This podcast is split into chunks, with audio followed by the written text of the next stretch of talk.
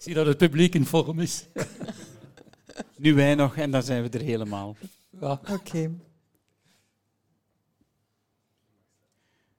Goedenavond, goedemiddag eigenlijk allemaal. Welkom bij deze allereerste live podcastopname van Docville. En voor ons is het niet onze eerste podcast, maar wel onze eerste live.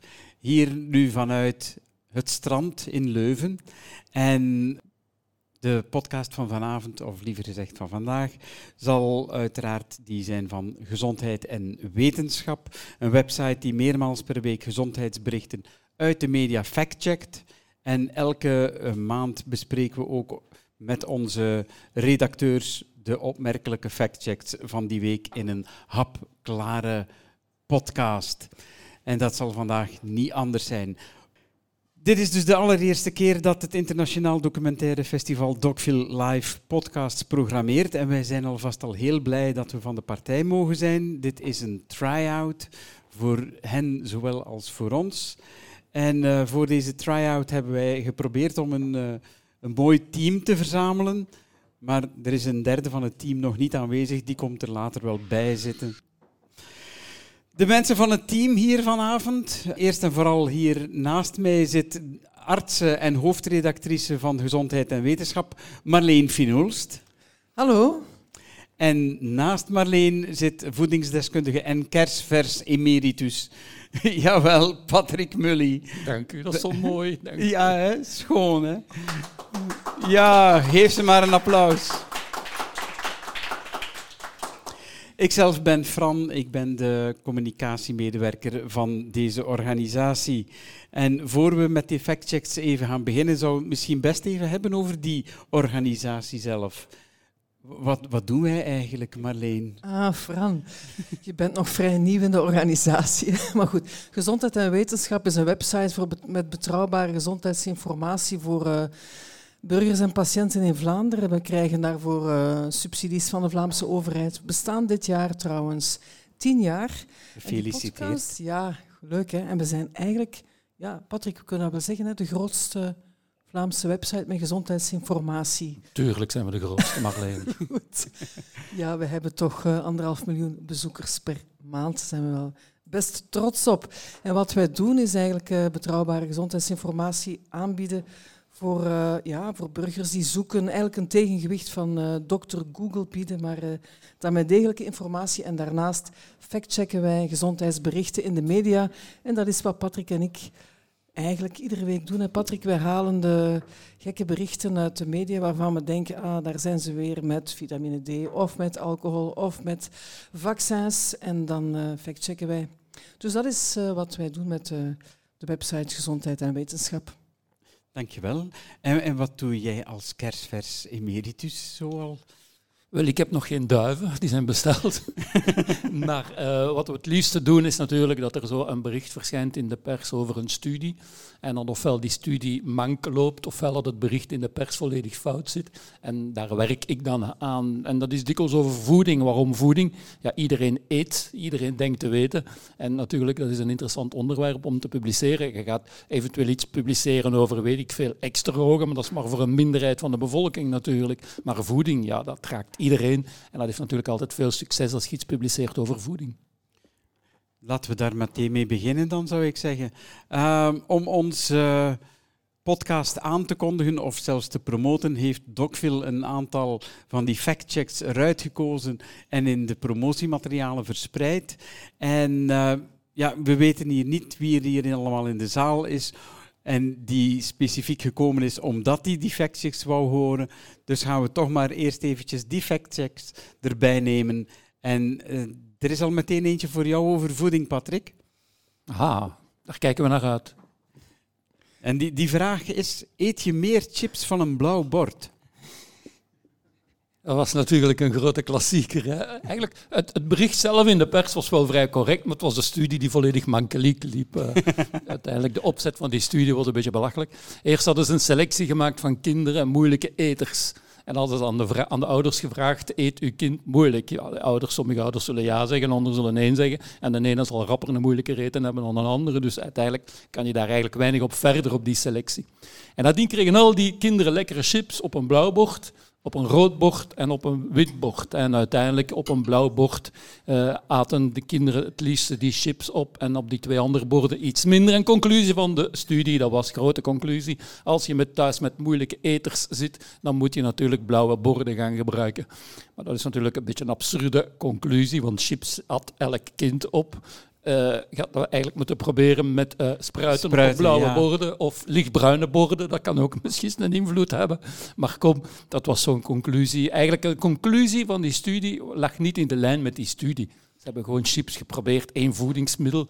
En de selectie van die kinderen was zeer mankeliek. We weten niet juist hoe dat, dat gedaan werd. Maar dat klonk wel mooi in de pers als bericht. Ja, als iemand er thuis ziet zitten met kinderen, probeer eens met spruiten en laat het ons weten. Inderdaad, een interessante studie.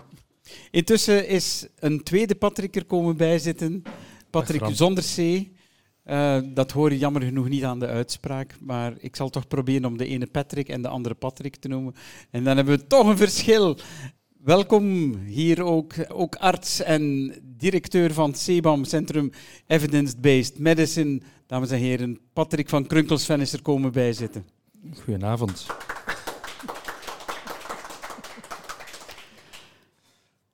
Wij gaan intussen verder met de vragen. Pik maar in wanneer je iets naar jouw zin erbij voelt of merkt. Dan gaan we er meteen door.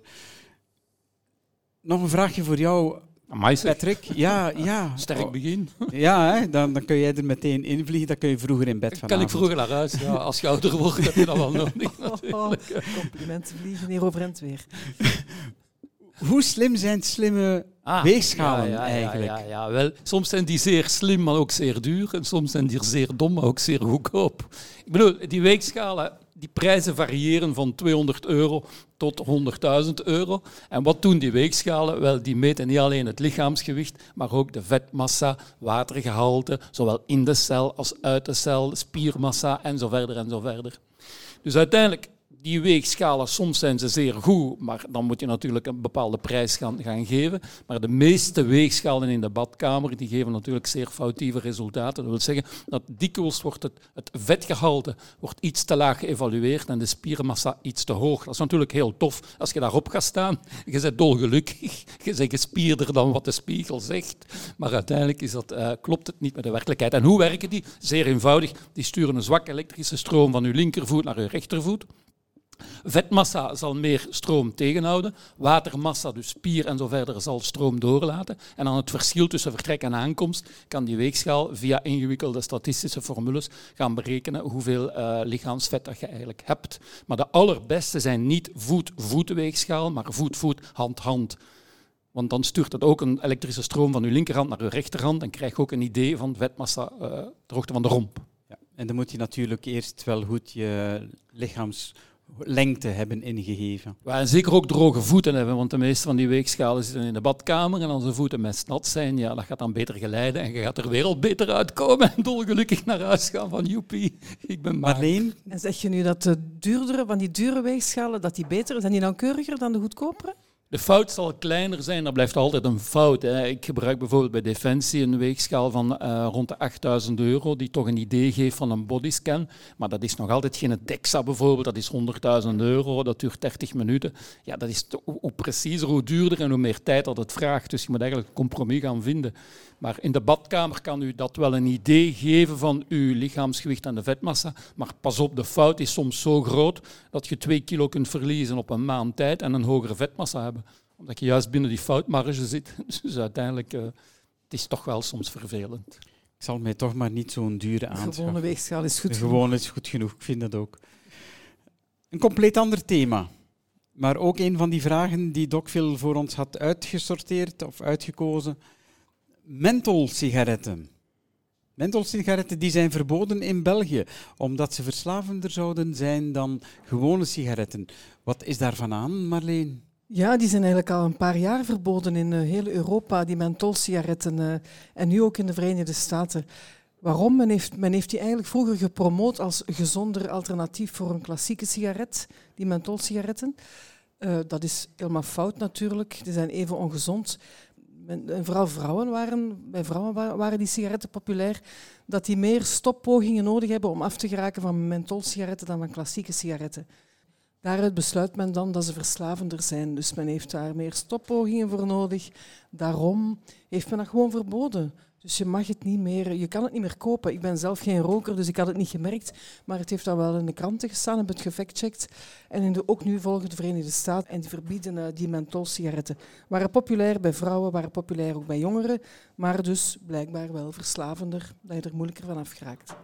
Je zal het niet geloven, maar als ik mijn plechtige communie deed, dat is lang geleden, gingen wij bij het feest met een schoteltje rond. En daar lagen drie, vier soorten sigaretten op waaronder mentholsigaretten. En daar mochten wij als jeugdigen als een keer van trekken. Amai, de tijden zijn veranderd. Maar zo verslavend zijn ze dan toch ook niet, want ik ben er toch van afgeraakt. Bij mij lag er alleen Johnson zonder filter. Gelukkig ben je er van afgeraakt en dat, dat vinden we het mooiste, als je er maar van afgeraakt. Nog een leukertje voor jou, Marleen. Aha.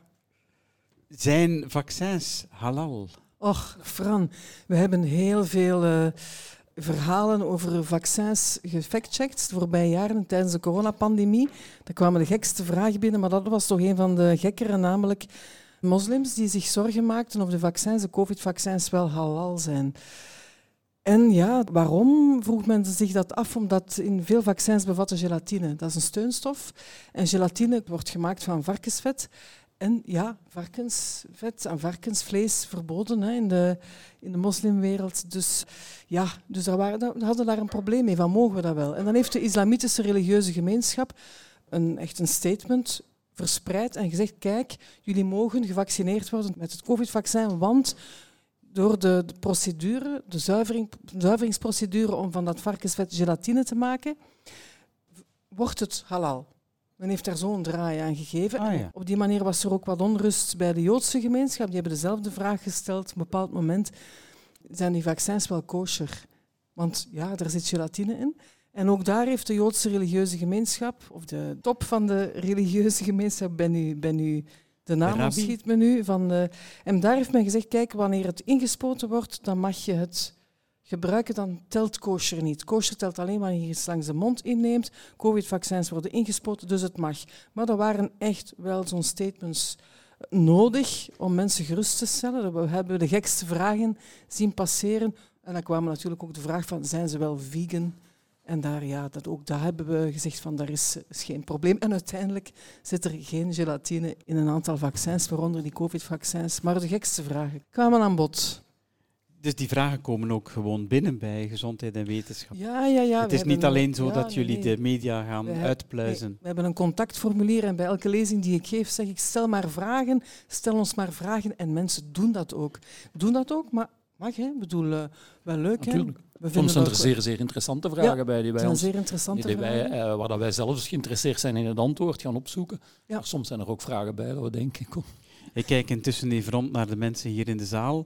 Dat geldt dus ook voor jullie. Hè? Jullie mogen vragen stellen straks. Niet dat we daar zo on the spot op kunnen antwoorden, denk ik. ik, ik verwacht van wel, met de drieluik van uh, geleerden die hier bij mij zit. Dat zou toch wel moeten kunnen. Kijk, laten we ze meteen even testen met een serieuzere vraag. En omdat jij de laatste bent komen aanschuiven, Patrick, krijg jij die, hè? Ik ben ook de serieusste ook. Ah, voilà. Was dat de reden waarom dat je later was? Wel, de, de vraag is de volgende. We lijken na COVID opeens een, met een long-COVID-epidemie te zitten. Eén op de twintig mensen die COVID hebben gehad, blijken nu jarenlang lang nog steeds symptomen te hebben. Wat is daarvan aan? Wat is jouw medische professionele opinie?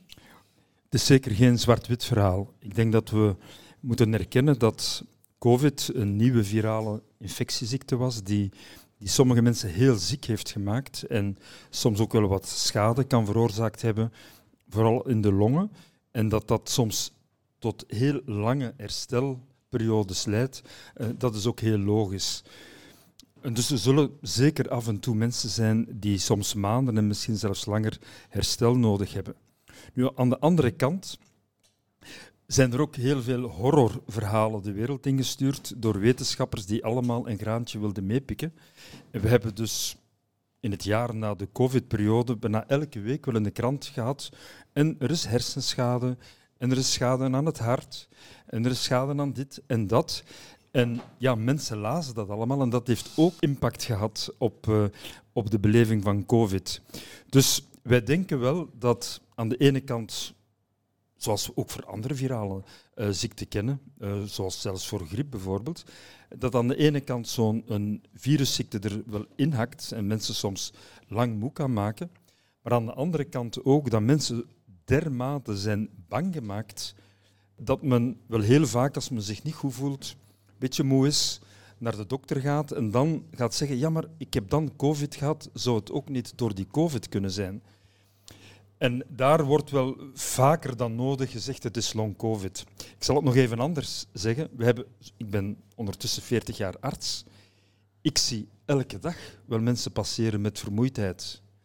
En dat heeft heel veel verschillende oorzaken. Maar nu zal men heel rap zeggen, oei, het is van covid. En uh, daarom is onze stelling, long covid bestaat het, ja. Maar we moeten heel voorzichtig zijn om die stempel op de mensen te plakken. En vooral mensen die moe zijn proberen te herstellen. En via fysiotherapie bijvoorbeeld, heel af en toe met een psychologische hulp, om die mensen gewoon terug op de rails te zetten van het leven en terug vooruit te komen. Marleen? Ja, er is ook een revalidatieprogramma en ook hè, terugbetaald door de overheid voor mensen met langdurige klachten na COVID. We noemen het ook liever, of in de literatuur, post-COVID. Want long-COVID lijkt zo COVID die heel, heel lang duurt. Post-COVID is zo er zijn klachten opgetreden na COVID, maar daarom is er geen oorzakelijk verband. Men weet het eigenlijk nog niet goed. Er zijn meerdere hypothesen hè, van uh, kleine trombosen en kleine bloedvaten. Maar eigenlijk weten we het nog niet. En er bestaat ook zoiets als postgriep en andere postmononucleose. Je hebt uh, heel wat uh, postvirale syndromen. Ja, ja heel kort. Ik, ik, ik zie heel vaak patiënten die angst hebben van er zoveel over gelezen te hebben. En het zal toch geen post-COVID of long-COVID zijn. En je ziet dat het soms beter is van die mensen gerust te stellen in plaats van een stempel te geven van je hebt een nieuwe mysterieuze ziekte die misschien heel lang gaat duren. En ik stel die diagnose bijna nooit. En ik zie dat er nogal wat huisartsen zijn die daar zeer voorzichtig mee zijn en terecht want je, je kunt mensen ook beschadigen door te zeggen, ja, je hebt dat. En dan gaan mensen vaak onrustig zijn. Een ziekte aanpraten. Een ziekte aanpraten, zeker en vast. Ja, juist. Wat, wat ik mij eigenlijk afvroeg, zijn er bepaalde patronen bij die mensen? Zijn er mensen die onderzocht werden, die bepaalde eigenschappen hebben? Ongerust, vlugger ongerust of vlugger ziek? Of... Ja, ik, tweeërlei. Marleen zal erop inpikken. Aan de ene kant heeft men heel hard gezocht naar bepaalde biologische parameters. In het bloed zijn er ja, misschien wat meer bloedcellen of een beetje andere stoffen in het lichaam, chronisch reactief proteïne. Er zijn een heel aantal zaken in het lichaam die soms duiden op langdurige infecties en dergelijke meer. En er zijn nogal wat studies die eigenlijk zeggen, wij vinden niks. Het is natuurlijk niet omdat er niks is, dat dat per definitie zegt dat er, of dat men niks vindt, dat er ook niets is, maar toch dan maakt het al minder waarschijnlijk dat het over een ernstig uh, biologisch fenomeen gaat. Aan de andere kant zien we wel dat we in het verleden wel nog andere van die aandoeningen hebben gehad. Van fibromyalgie tot chronisch vermoeidheidssyndroom, post-Lyme. Post en dat je ziet dat mensen die daar gevoelig aan waren, om de een of andere reden, nu ook wel meer gevoelig zijn aan deze toestanden. Het blijft toch wel een beetje een mysterieus iets. En het is inderdaad heel delicaat om te zeggen, maar uh, men heeft gekeken, die mensen, wat, hoe waren die, hoe, wat was de gezondheidstoestand van die mensen voor COVID en voor long-COVID-klachten? En een opvallend groot aantal had daar ook al chronische klachten. Maar niet allemaal. Het is heel moeilijk om dat te zeggen. Als je dat zegt, dan dat is, allee, dat is heel moeilijk natuurlijk. Zeer delicaat. Want dat is zeer delicaat, uiteraard. Maar... maar ik zou toch één ding willen zeggen. 1 op 20 long COVID. Zo... Officiële cijfer van ja. Cienzano is 21. Ja, dat zijn, zijn officiële cijfers. Nu hebben we gezien dat in het, het nieuwe traject uh, dat opgestart is, dat er uiteindelijk nu maar 800 mensen zijn opgestart.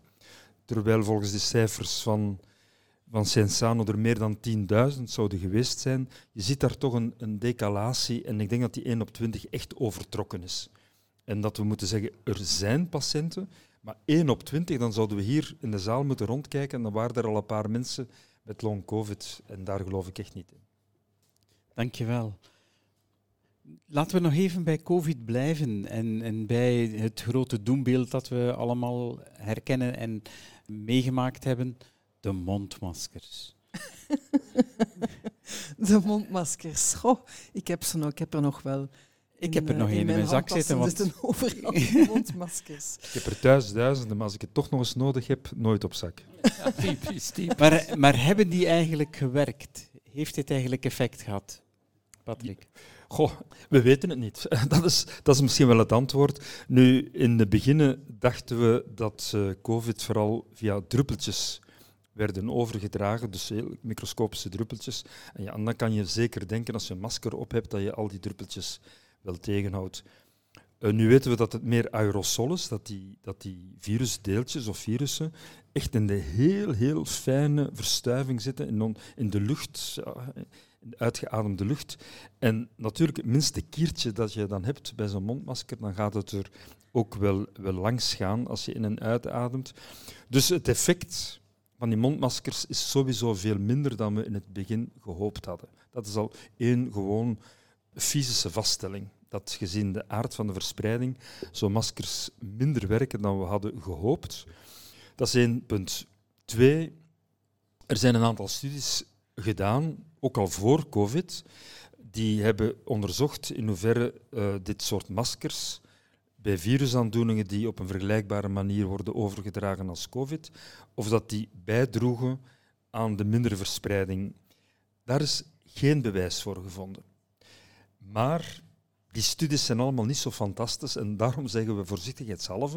Het is niet omdat we het niet bewezen hebben dat er toch niet enig productief effect is. En de conclusie is, wij denken dat het toch voorzichtig is, zeker als je zelf ziek bent of je hebt een, ja, een verkoudheid of gelijk wat, dat het voor COVID, maar misschien ook voor andere aandoeningen toch nog nuttig is om meer dan vroeger zo'n maskertje te dragen, om vooral andere mensen te beschermen. Dus haal ze toch maar weer uit de kast. Ja, maar ik, bijvoorbeeld bij mezelf in de praktijk, ik zeg al een half jaar, voor mij hoef je geen maskertje op te doen, behalve als je zelf ziek bent, uit respect voor de anderen. Marleen, jij ja, had daar ook nog? Het was ook moeilijk om te testen of die maskers echt gewerkt hebben, want we moesten ook flink onze handen wassen. En daar, het is de combinatie natuurlijk, hè. afstand houden, mondmaskers, handen wassen. Die combinatie werkt natuurlijk. En van handen wassen weten we wel dat het effect heeft hè, op het verspreiden van virussen. Maar het was moeilijk om die mondmaskers te isoleren uit die andere maatregelen. Dat was een van de redenen waarom dat men dat heel moeilijk heeft kunnen onderzoeken en dat het er in, in de pers kwam. Mondmaskers werken niet.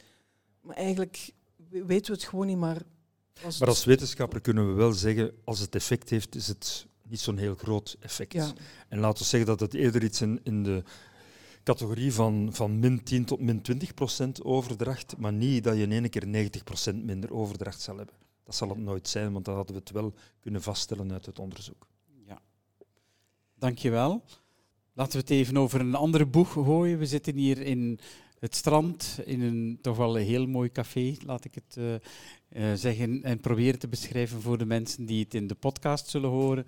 Er staan uh, een aantal baarkrukken bij een zeer mooie bar, waar mensen, bedrijven aan het werk zijn, waar je allerlei dranken kunt krijgen. Er wordt zelfs even ge gezwaaid nu vanaf de bar naar iemand in de zaal.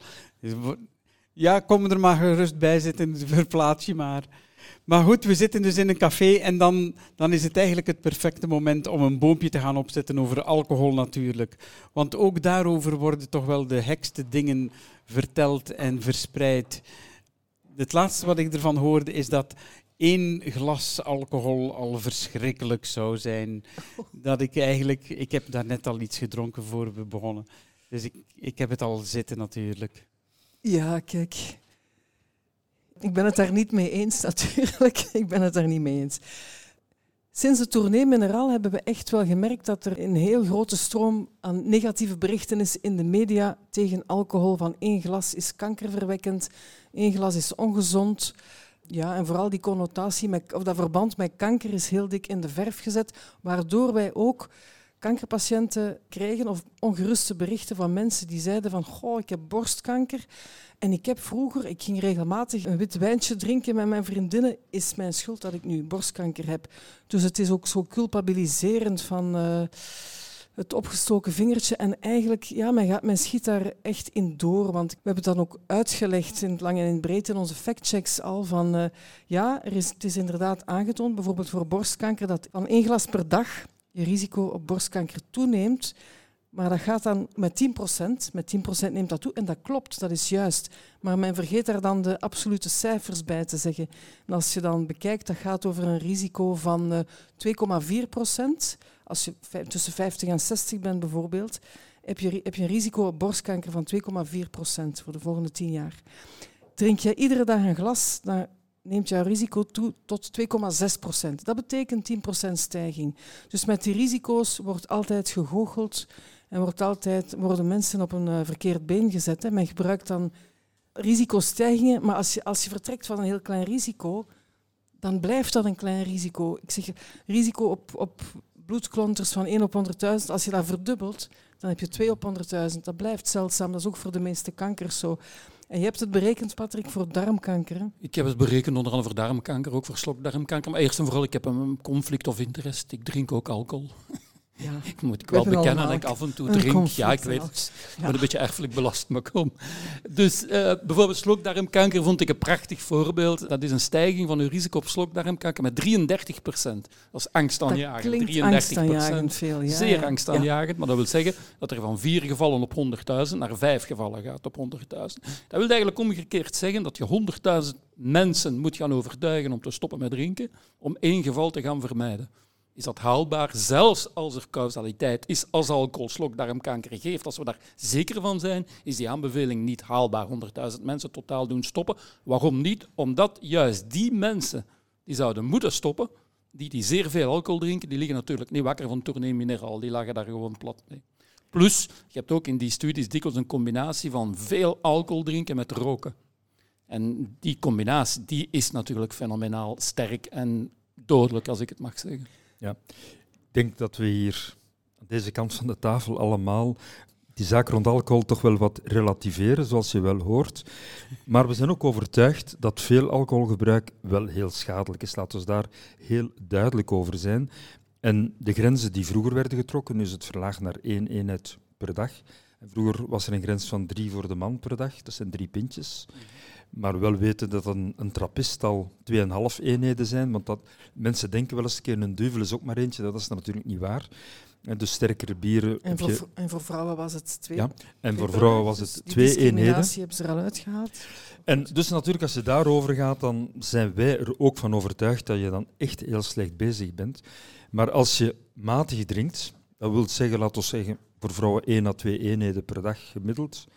En voor mannen misschien nog een tikkeltje meer dat we dan weinig sterke argumenten hebben om tegen die mensen te zeggen, je moet stoppen of je bent echt slecht bezig. Dus daar hebben we wetenschappelijk gezien geen sterke argumenten voor. En daarom zeggen wij eerder, ja, als mensen zich daar goed bij voelen, hè, laat die mensen dan ook op een matige, verstandige manier een pintje drinken. Ik zal zelfs meer zeggen, er zijn heel wat, wat we noemen epidemiologische onderzoeken, waar men kijkt naar de overleving. Bijvoorbeeld, men kijkt naar 50-jarigen. Men gaat die bevragen van wat drink je per dag, hoe eet je, uh, rook je of rook je niet. En als je dan gaat kijken naar de mensen die heel weinig of dus matig drinken, dat die het er soms zelfs een beetje in sommige studies beter afbrengen dan mensen die helemaal niet drinken. Dus dat relativeert toch wel die grote hetze tegen die matige drinkers. Dus de conclusie, die wij samen met veel anderen trekken, is... Vroeger we, durfden we zeggen, als je niet drinkt, je kan beter een klein beetje drinken, dat is gezonder. Dat zeggen we niet meer. Iemand die zich goed en comfortabel voelt met niet te drinken, is heel goed zo. Als iemand zich comfortabel vindt met een klein beetje te drinken, dat is voor ons ook heel goed. Maar drink absoluut niet te veel en zeker niet aan binge drinking enzovoort. Wat jonge mensen soms doen, dat, dat vind ik verschrikkelijk. En daar moeten we wel als overheid proberen maatregelen te vinden om, om jonge mensen vooral toch duidelijk te maken dat op korte termijn veel drinken heel schadelijk is voor de hersenen.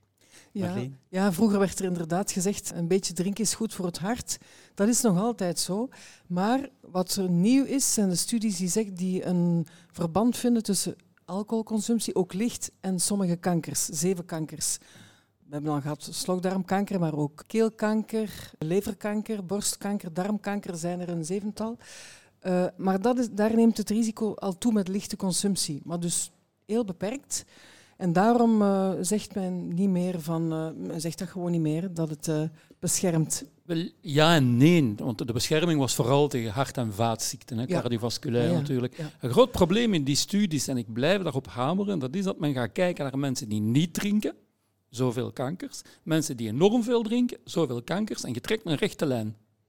En dan maak je een model per 10 gram stijgt het risico met zoveel. Maar dat is niet de werkelijkheid. Dat is een statistisch model. En als je verfijnd gaat analyseren, zie je zelf dat het risico op darmkanker, colonkanker, zelfs daalt met 1 tot 2 glazen.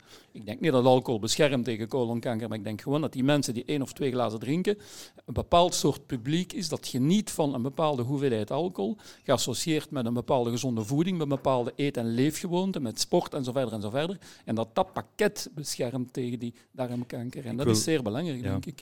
Ik wil nog twee dingen zeggen. Eén, um, we weten allemaal dat sporten gezond is, daar zijn we het allemaal van overtuigd. Dus fietsen is ook gezond. Niettemin, als je naar fietsers kijkt en je gaat alleen kijken naar hoeveel mensen vallen een schedelbreuk of, of uh, doen een valpartij met zelfs dodelijke afloop of breken een arm. Als je enkel naar de negatieve gevolgen gaat zien, zoals men soms ook met alcohol doet, ja, als men dat voor het fietsen doet, is fietsen ook zeer gevaarlijk. Dan moeten we allemaal helemaal stoppen met fietsen. Dus daarom dat wij ook durven zeggen, ja, een klein beetje drinken kan ook mensen zich gewoon beter in hun vel doen voelen. Misschien maken die mensen meer sociale contacten. En als we gaan kijken in de wereld naar plaatsen waar mensen zeer oud worden, we noemen dat de blue zones. Sardinië is er zo eentje, op Kreta, in Japan. En, en zo zijn er in de wereld een tiental plaatsen waar mensen uitzonderlijk oud worden. Er zijn een aantal argumenten, zeker de verbondenheid, niet te hard werken, maar toch ja, soms uh, op langere leeftijd werken enzovoort. Maar wat ook opvalt, is dat die mensen bijna allemaal een klein beetje drinken. Meestal rode wijn, maar het mag ook iets anders zijn. Dat horen wij graag. Enfin, wij horen dat hier graag van op onze stoelen. En ik, ik heb de indruk dat hier toch een tafel of twee zit dat dat ook wel uh, graag beaamt. Ho hoewel ik eigenlijk zie dat er bij de meeste mensen, het is misschien nog niet erg laat, geen alcohol op tafel staat. Klopt dat? En dat is best oké. Okay. Ja, en dat is inderdaad helemaal oké. Okay. nu, als het over alcohol gaat, alcohol is meer dan alleen maar de alcohol natuurlijk. Er zitten ook suikers in of zoiets, heb ik mij laten Suikers. vertellen. Enfin, calorieën. Ja. Calorieën, ja, natuurlijk. En het zijn vloeibare calorieën. Dat is eigenlijk iets uh, zeer eigenaardig aan ons lichaam. Maar je kan bijvoorbeeld uh, 800 calorieën eten op restaurant. En dan heb je goed gegeten, voorgerecht, hoofdgerecht, nagerecht, zit goed vol. Maar je kan ook een fles wijn drinken van 800 calorieën. En dan bedriegt je eigenlijk je lichaam, want je lichaam heeft niet door dat er 800 calorieën binnengekomen is. Dus die vloeibare calorieën, die foppen je lichaam. Waarom? Omdat 10.000 jaar geleden waren we gewoon van vaste calorieën te gaan nemen en bijna geen vloeibare, dat kenden we niet. Dus je mocht toch tellen per restaurant eenheid. Dat is dan een glas whisky van 50 milliliter of een pint bier van 250 of een glas wijn van rond de 100, 120 milliliter. Dat is rond de 100, 110 calorieën. Er zullen kleine variaties zijn. Dat kan gaan van 90 tot 110. Dus eentje zal geen kwaad kunnen, maar natuurlijk, als je dat dagelijks grote hoeveelheden van neemt, dan is dat toch wel een probleem. Ja, een glas bier is een boterham. Een trappist en ja. twee boterhammen en een half. Qua calorieën dan, dan, toch. toch een dagschotel. dan toch een Ja, ja, inderdaad. Dat is bijna een Dat is een grote klassieker natuurlijk, een dagschotel. En ik hoor dan soms wel eens, en dat hoor ik heel graag, en voor de rest sluit ik mijn oren dan. Ik hoor af en toe wel dat met gin dat dat dan toch een uitzendering op de regel zou zijn. Oké, er wordt al heel lachen, ja, dat is dus ja, niks dat van was aan. een, een van de geweldigste ja, berichten uit de krant die ik heb kunnen factchecken de voorbije jaren. De voorbije tien jaar was gin maakt slank. En ik kom het uh, heel vaak nog tegen als ik lezingen geef. En ik heb het nog onlangs in een uh, damesmagazine, vrouwenmagazine gelezen van gin. Als je dan toch alcohol wil drinken, drink dan gin of gin tonic. Want daar, uh, dat verbrandt, dat doet meer calorieën verbranden. Dus dat is dan, ja, daar word je slank van. Natuurlijk krabben wij dan al in ons haar. Want natuurlijk, zo'n gin tonic zijn meer dan 200 kilocalorieën. Maar dan zijn we gaan zoeken van waar komt dat nou? Dat bericht gin maakt slank.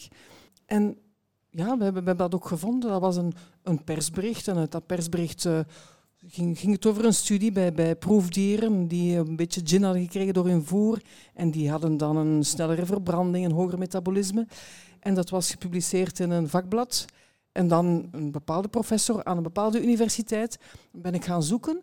En die universiteit bestond al niet. Dat was de universiteit van Sigulda in Estland, ik weet het nog. Daar was helemaal geen daar is geen universiteit. Dat vakblad dat bleek gewoon ook niet te bestaan. En die professor ook niet. Die ben die gaan opzoeken. En dan zag je die naam van die professor. En uh, die professor heette Tisa, Tisa Lai. Tisa, het is a lie, het is a lie. Het was eigenlijk een aprilgrap. Het is een aprilgrap geweest en het, heeft, het, is nog al, het circuleert nog altijd. Dat is vijf jaar geleden nu. Ik vind het altijd grappig dat toch, en toch stond het in de kranten hier in Vlaanderen. Ja, en alle grote nieuwsagentschappen in de wereld hebben dat overgenomen. Ja. Omdat het zo, zo leuk was. maar het was gewoon een grapje van één persoon in de wereld die dan zich verspreid heeft als een virus over gans de wereld. Ik herinner mij zo'n 20, 30 jaar geleden had je cherry-dieet. Er waren dan drie sherry's morgens, vier s middags en vijf s avonds. Je had honger, maar je lag er niet wakker van, want je had toch een stuk in de voeten de ganse Nu, vermageren, dat is toch wel een hot topic hè, bij ons op de website. E-, eentje die zo echt wel fantastisch scoort momenteel, is die over de vermageringsspuitjes Ozempic. Oh ja, Ozempic. Die scoort fenomenaal. Ja. Waarom? Is dat echt een wondermiddel? Het werkt, het werkt ook het werkt. sterk. Ja, het werkt. Hè.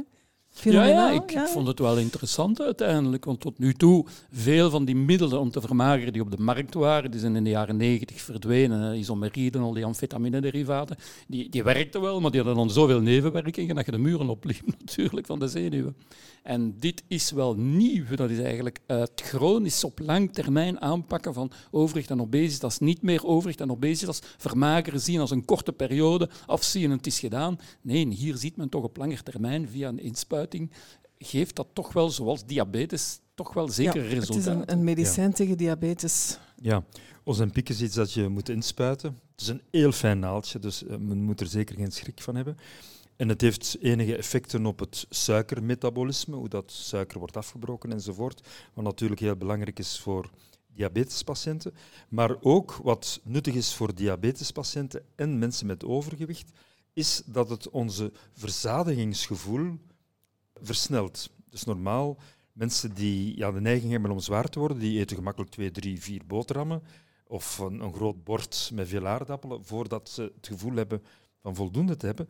En nu met die Ozempic versnelt eigenlijk het hormoon in de darmen dat, u, dat naar de hersenen wordt gestuurd om te zeggen, hola, stop, je hebt genoeg gegeten. En dat werkt enorm. Zelfs bij sommige mensen geeft het een beetje misselijkheid, wat een versterkende trap is, een verhogende trap is van, van verzadigingsgevoel. Maar ik moet zeggen dat ik een beetje tegen mijn zin in toch aan wat patiënten heb gegeven die het vroegen. En het werkt. Dus laten we daar duidelijk over zijn. Mensen vermageren. Ik zeg dan, zie je wel dat je te veel had? Want mensen zeggen altijd, nee, ik eet niet veel, het kan niet, ik eet niks. Maar als ze dan ons een pik beginnen te nemen, ja, dan gaan ze nog minder eten en vermageren ze. Maar er is één punt dat we nog niet weten, of toch al een beetje weten. Wat gebeurt er na een jaar? Want je hebt een jaar ingespoten, je bent misschien 10 kilogram vermagerd, kan best, of zelfs meer. Maar als je dan stopt, zijn nogal wat studies die dat de mensen uh, durven schrijven, die zeggen, ja, die mensen gaan terug bijkomen, zoals na anderen. Als die niks fundamenteels aan een evenwicht tussen voeding en beweging gaan doen, ja, dan gaan die mensen ook gewoon terug bijkomen daarna. Als we stopt, ofwel ja. moeten we levenslang blijven gebruiken natuurlijk. En die studies zijn er al. Als je stopt, dan kom je terug bij. En het is duur. Het kost 100 euro per maand, denk ik. Het is niet terugbetaald. Ja, het is niet evident, maar het kan misschien wel een duw geven aan mensen die echt zeer zwaarlijvig zijn, die dan misschien wel in de goede richting geduwd worden en gemotiveerd geraken om dan... Uh, ik zeg altijd, dat is niet de beste keuze, dat is de minst slechte. Wat ga je doen in bepaalde situaties? Onmiddellijk bariatrisch, dat is onmiddellijk een operatie, maag verkleinen en zo verder. Dat is al zeer drastisch, dus het is een tussenstap. Uh, ja. Ik sta dus, ook niet te springen, hè, pas op, maar ik vind het wel een goede richting, want al de rest heeft een beetje gefaald. Hè. Laten we eerlijk zijn. Vermageren, uh, vermageringsmethodes, al die diëten en zo verder en zo verder. Op lang termijn geeft dat zeer weinig succes. Maar ik zou één ding willen zeggen. We zijn er als wetenschappers nog niet helemaal uit. En mogelijk is Ozempic wel een blijver, in tegenstelling van de anderen. En mogelijk wel een hulpmiddel voor sommige mensen die anders misschien bariatrische chirurgie moeten ondergaan. Dus we, we, spreken met twee woorden, maar het is geen wondermiddel. En ik ga toch één verhaal vertellen. Ik kreeg echt gisteren een, een jonge patiënte met wat overgewicht. En die er echt wel iets wil aan doen, maar onder druk van de moeder kwam ze bij mij, ja, ze willen toch dat ik Ozempic neem. Ze was al in een universitair centrum geweest, waar men ook, ondanks dat ze nog lang niet heel obese was, toch in de richting van Ozempic ging. Maar, zegt ze, ik wil toch alternatieven bekijken en ik heb een afspraak gemaakt bij een diëtiste die ook toch wel wat oog heeft voor eetstoringen, want daar gaat het, ging het bij haar toch wel een beetje naartoe, en een bewegingscoach om haar meer te doen bewegen en zij is heel gelukkig. En we hebben de moeder kunnen overtuigen om toch niet naar medicatie te gaan en toch via, laten we zeggen, de meest evidente natuurlijke methode te gaan, naar uw dieet kijken. Want ze had echt zo eetbuien, dat zegt ze. Ja, daar moeten we dan proberen een mouw aan te passen en niet denken, het spuitje gaat alles oplossen. Dat is ook niet. Ja. Ik zie hier eigenlijk drie behoorlijk slanke mensen voor mij zitten dan vraag ik mij af, hebben jullie ooit diëten geprobeerd? En zo niet? Nee, ik heb nooit, ik heb nooit gedieet. Maar ik sport wel veel natuurlijk. Ik denk dat uh, bewegen uh, een goede manier is om uh, gewoon... ik loop veel en als je, voordat je gaat lopen met een volle maag, dat gaat niet. Dus dan loop, eet je vanzelf wat minder. Ik denk dat het makkelijk... Ik denk dat dat voor ons alle drie geldt. Dat we graag sporten en dat we dan ja, ja sporten uh, is belangrijk natuurlijk, want je gaat altijd meer eten dan je eigenlijk nodig hebt, omdat het allemaal lekker is en een pin bier smaakt lekker. Een pintje dus, na het sporten, dat kan ik wel niet laten staan. Je, je, moet gaan sporten om dat te gaan verwerken. En ik ga zo twee, drie keer per jaar op trektocht en daar is niks in het midden van de tundra, dus daar val ik af. En nadien kom ik bij. Dus sporten is toch wel een, het, sleutelwoord om, om, om op gewicht te blijven. En al die diëten, nee, ik heb ze niet geprobeerd. Het energierijk dieet heb ik een tijdje gevolgd, dat was wel tof. Maar, maar uh, ik, ik moet eerlijk zeggen, ik, voor het toch wel een beetje een strijd. En ik, ik moet altijd uh, toch minder eten dan ik graag zou eten. Omdat het lekker is en ik drink ook graag wel eens een keer iets. Maar het sporten werkt op twee manieren. Dat zou ik toch ook aan de mensen willen zeggen. Eén, door te sporten verbruik je calorieën. Dat is al, al positief. Maar als je sport, dan wil je ook graag goed voelen bij het sporten. En dus meer kilo's betekent dat je minder goed kan lopen of dat je minder goed kan fietsen, zeker bergop. Dus het is ook een sterk argument om toch echt met eten bezig te zijn en op te letten als ze voor een heel vol bord zitten om te zeggen, misschien moet ik dat toch niet opeten. Dat is nog een derde factor. Dat was een onderzoek dat ik bij Defensie gedaan had. Het milieu waar dat je leeft speelt ook een zeer grote rol. Je hebt bijvoorbeeld veel minder overwicht en obesitas bij officieren die dan toch een bepaald imago moeten hebben in vergelijking met onderofficieren en nog veel meer bij vrijwilligers of bij soldaten natuurlijk. En dan speelt natuurlijk het milieu waar dat je zit, speelt natuurlijk ook een rol op je, eet- en leefgewoonte. Daar is niks aan te doen. Misschien toch één, toch naar mensen die, die worstelen met hun gewicht. Ik zou er nog twee dingen over zeggen. Eén, we weten dat heel veel medicatie uh, enorm effect heeft. Dus mensen die antidepressiva nemen of, of andere psychofarmaca, zien we dat die allemaal bijna worstelen met gewicht, omdat dat de eetlust stimuleert. Dat is het omgekeerde van Ozempic. Je krijgt eetluststimulatie. Dat is toch wel... Ja, we moeten daar toch ook mild zijn voor die mensen en niet allemaal zeggen van het is uw eigen schuld. En een ander aspect is toch ook dat onze voedingsindustrie ja. toch mee toegeleid heeft dat we heel veel geconfronteerd worden met voeding met enorm veel calorieën.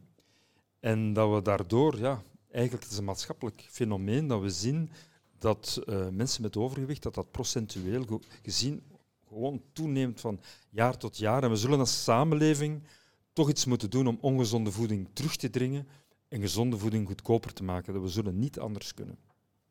Juist. Ja, ja, ook de mensen die in de nabijheid wonen van veel fastfoodrestaurants, dat is aangetoond, hè, die wegen meer.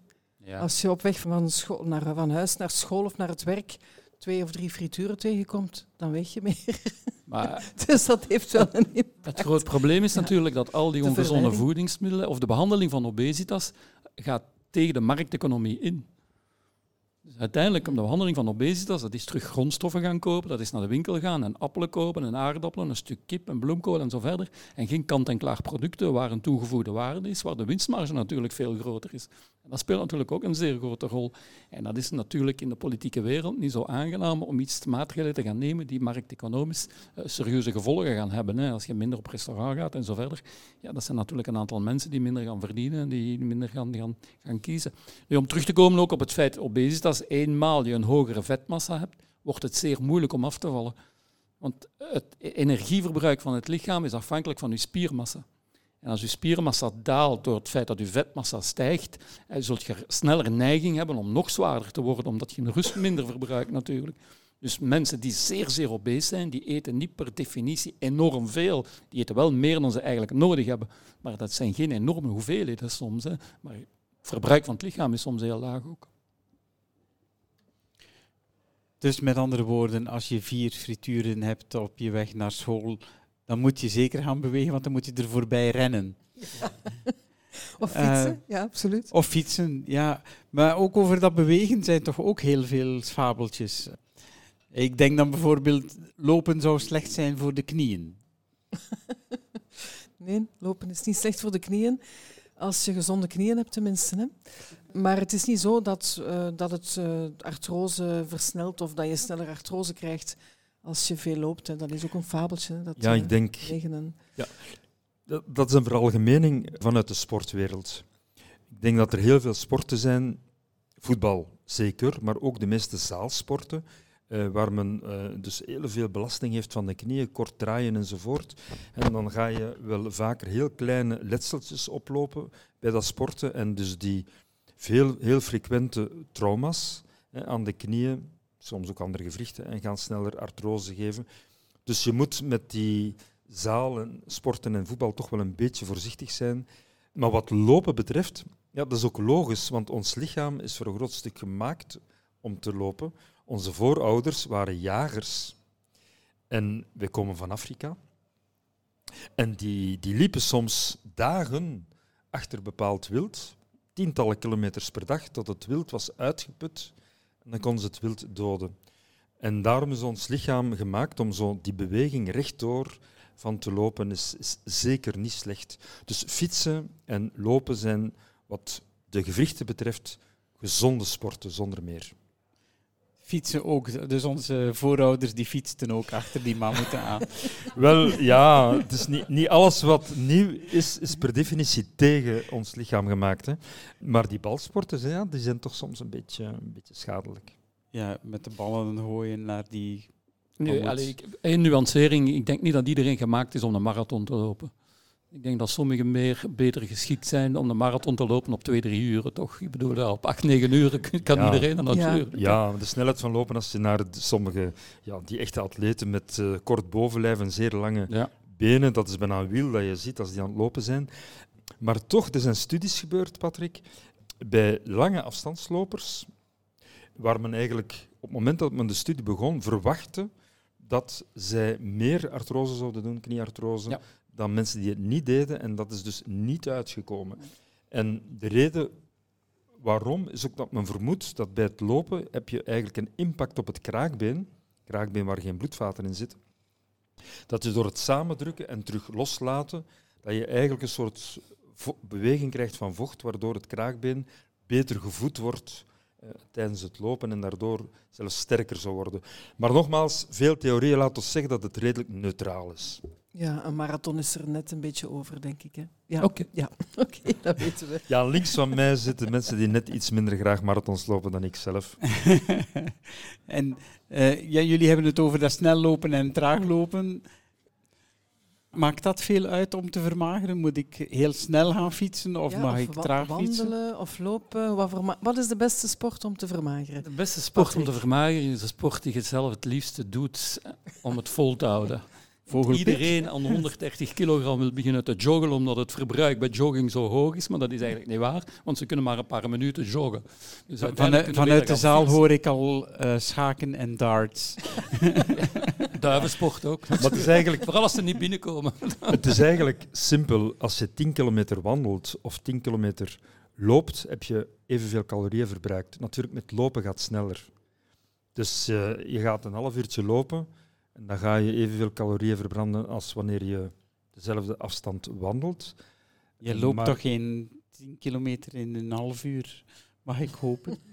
Met buikgriep. niet meer. Als het buikgriep heeft.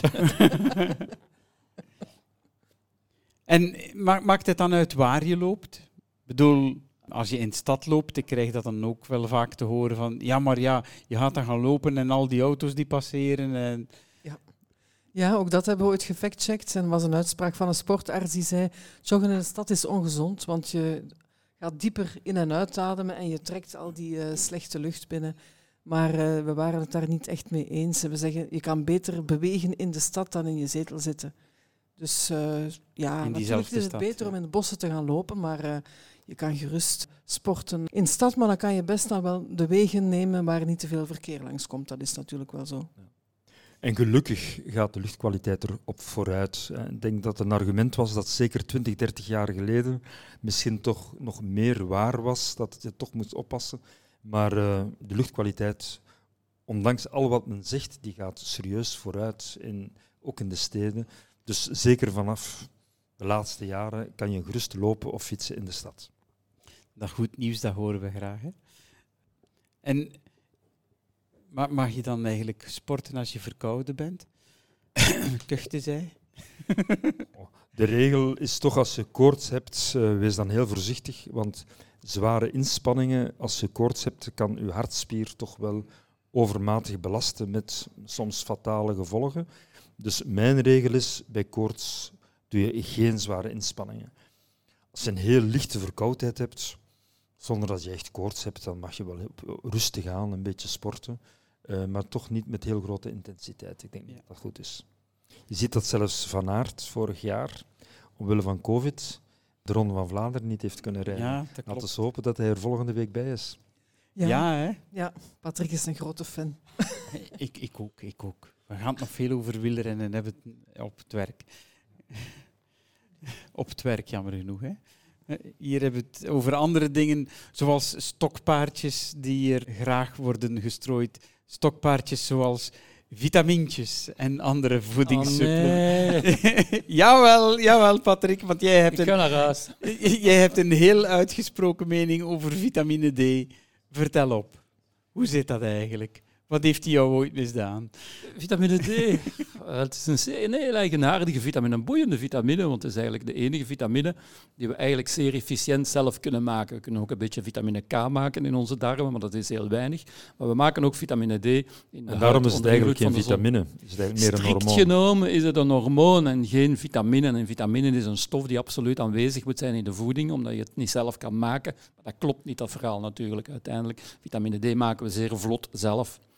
Nu, waar begint het vitamine D-verhaal? Dat begint eigenlijk bij waarnemend onderzoek. En in waarnemend onderzoek ga je bijvoorbeeld gaan aan mensen gaan kijken wat dat ze eten en hoeveel vitamines ze hebben in hun bloed. En je gaat die 20 jaar volgen en dan ga je kijken hoeveel kankers dat er zijn of hart- en vaatziekten en weet ik veel. En wat verscheen in dat waarnemend onderzoek, dat was natuurlijk een fenomenaal resultaat voor vitamine D. Vitamine D beschermde tegen alles, van multiple sclerose tot snotvallingen, tot eh, covid, tot darmkanker en alle soorten kanker. Het was echt fenomenaal. En het zou tof geweest zijn, hè? een klein beetje in de zon rondlopen en je vermijdt al die chronische ziektes. Zelfs obesitas was eh, goed tegen, of vitamine D was goed tegen obesitas. Men is dan nadien begonnen met grote interventiestudies. Ja, dat was een pak minder natuurlijk. In al die grote interventiestudies, of de meeste van die grote interventiestudies, zie je eigenlijk bijna geen resultaat van Wat vitamine D. deed men daar? Interventiestudie? In een interventie krijgt één groep. Eerst ga je randomiseren. Dan ga je al die mensen verdelen in twee door toeval. Dus daar zitten evenveel obese links als rechts, of rokers links als rechts en zo verder en zo verder. Eén groep krijgt vitamine D, een andere groep krijgt een placebo, dus een controlemiddel. En je ziet eigenlijk geen enkel resultaat. Met andere woorden, wat was het groot probleem met vitamine D? Wie heeft veel vitamine D in zijn bloed? Dat is iemand die de marathon loopt, die veel in de zon rondloopt, die gezond eet, die slank is. Want door obesitas maak je wel vitamine D aan in je huid, maar dat blijft in de onderhuidse vetlaag geblokkeerd. Dat komt niet in je bloed. Met andere woorden, waren er zeer veel storende factoren. Ja. Dus eigenlijk is het zo dat mensen die chronisch ziek zijn, of misschien nog obese zijn, of mensen die weinig buiten komen, die hebben een laag vitamine D. En de foute conclusie was, die mensen zijn ziek omdat ze weinig vitamine D hebben in hun bloed. Maar ze hebben weinig vitamine D in hun Omdat ze bloed. ziek Maar het Ja. is ook een, een heel en, eh, en dat is Ja. dus een totaal omgekeerde redenering. En spijtig genoeg, je zou dan nog kunnen denken, ja, geef een beetje extra, dan gaat men misschien toch nog gezonder worden, maar ook dat klopt niet. Er is geen enkele studie, geen enkele, en er zijn er duizenden gedaan, die heeft kunnen aantonen door het extra geven van vitamine D dat mensen gezonder werden. Dus niet. En spijtig genoeg zien we nu dat af en toe mensen door foute inname, want als je correct inneemt, waarschijnlijk kan je geen grote eh, problemen creëren. Maar we zien dat sommige mensen eh, de bijsluiter niet goed lezen of slecht geïnformeerd worden en daardoor te veel vitamine D innemen. En onlangs is er iemand gestorven. Dus baat het niet, het schaadt niet, dat klopt niet altijd. En zo zijn er ook andere vitaminen, bijvoorbeeld vitamine E, waar men ook al aangetoond heeft dat het waarschijnlijk echt schadelijk is door het te gaan Vitamine innemen. A ook. Vitamine A A. ook. Ja. Ja, De vetoplosbare een, Het is vitamine. een commerce eigenlijk. Wordt het enorm eh, gepusht commercieel. Dus mensen vragen ook vitamine D. Er wordt Ja. heel veel, en we zien vergiftigingsverschijnselen met te veel vitamine D. Dus eigenlijk is er maar één antwoord in plaats van al dat geld uit te geven aan die overbodige en soms gevaarlijke vitamine. Eet gewoon gezond. Een beetje groente en fruit. Geef je geld daaraan. Je gaat nooit te veel vitamine hebben. Dat is onmogelijk via de voeding, via gezonde voeding, terwijl je zeer extreem heel veel vis zou eten of wat dan ook. Maar een gewoon klassieke gezonde voeding ga je voldoende vitamine hebben en eh, niet te veel. En kan je met dat geld leuke dingen doen dat je bespaart. Ik heb nog een allerlaatste vraag voor jullie. We hebben het al over allerlei mythes en valse geruchten gehad, over fake news eigenlijk. En mijn vraag aan jullie is, hoe herken je dat nu eigenlijk? Is er een makkelijke tip die je kunt geven aan iedereen hier in de zaal eh, om zo'n fake news te ruiken als ware het een rotte biefstuk? Ja, geloof nooit een, eh, krant, een, een titel in een krantenbericht of een, eh, op de website over gezondheid. Gezondheid is echt clickbait. Mensen willen weten wat daar is. Je ziet soms halve titels op een website staan, dan ga je verder klikken van, ah, wat? En dan rinkelt de kassa van de, die website. Dus titels zijn altijd fout, zou ik zeggen. We weten dat meer dan de helft van alle berichtingen over, over gezondheid fout is of ongenuanceerd. Dus dat is, ga daar, gebruik je gezond verstand en ga misschien kijken op eh, gezondheid en wetenschap. Want ja, daar hebben we wel, daar factchecken we wel veel. En er is een ook een app, als ik mij niet vergis. Er is een app, de app Zoek Gezond, die we gelanceerd hebben eh, vorige week. 15 maart hebben die gelanceerd, al iets langer geleden. En die kun je gewoon downloaden. En die kan je op- gratis downloaden. Ja. Maar dus let op met eh, alle kranten, met alle berichten, ook op websites natuurlijk, op sociale media nog erger, over gezondheid. Gebruik Ja. je gezond verstand. Ja. Nog twee elementen. Als Ja. het te mooi is om waar te zijn, Is is het niet, waar. Dus als iets fantastisch lijkt, ja, dan is het 99 keer op 100 niet zo. Tweede, ja, wat voeding betreft, is een bekende eh, voedingsspecialist uit Nederland die gezegd heeft, is eigenlijk per definitie fout. Dus de kans om een, een studie te zien over voeding die correct is, is echt heel klein. Is kleiner dan 1 op 10. Dus kan je beter, als je weet dat 9 op 10 fout is, dan kan je beter eigenlijk ervan uitgaan, het klopt niet. Dat is eigenlijk een heel gezonde instelling. En als er dan toch heel sterke argumenten zijn, of je leest het ook op betrouwbare websites zoals Gezondheid en Wetenschap, dan kan je er misschien iets van geloven. Ja, zeker op vlak van voeding. Er zijn geen eh, wondervoedingsmiddelen, dat is er alleen maar een wondergedrag. En dat is dan gezond eten, niet roken, bewegen en gezond gewicht. Ja, en dat zijn niet de meest sexy boodschappen. Als titel Dat trekt zeer- dat niet, geen lezers aan. Zeer saaie boodschap, maar al 50 jaar hetzelfde natuurlijk. Ja. Maar ik onthoud wel, een beetje alcohol mag. We mogen bewegen buiten. Het is helemaal niet erg. De lucht wordt steeds beter. En vertrouw het nieuws niet. Dan zou ik zeggen, dank jullie wel allemaal. Dank jullie wel hier aan de tafel. Dank u.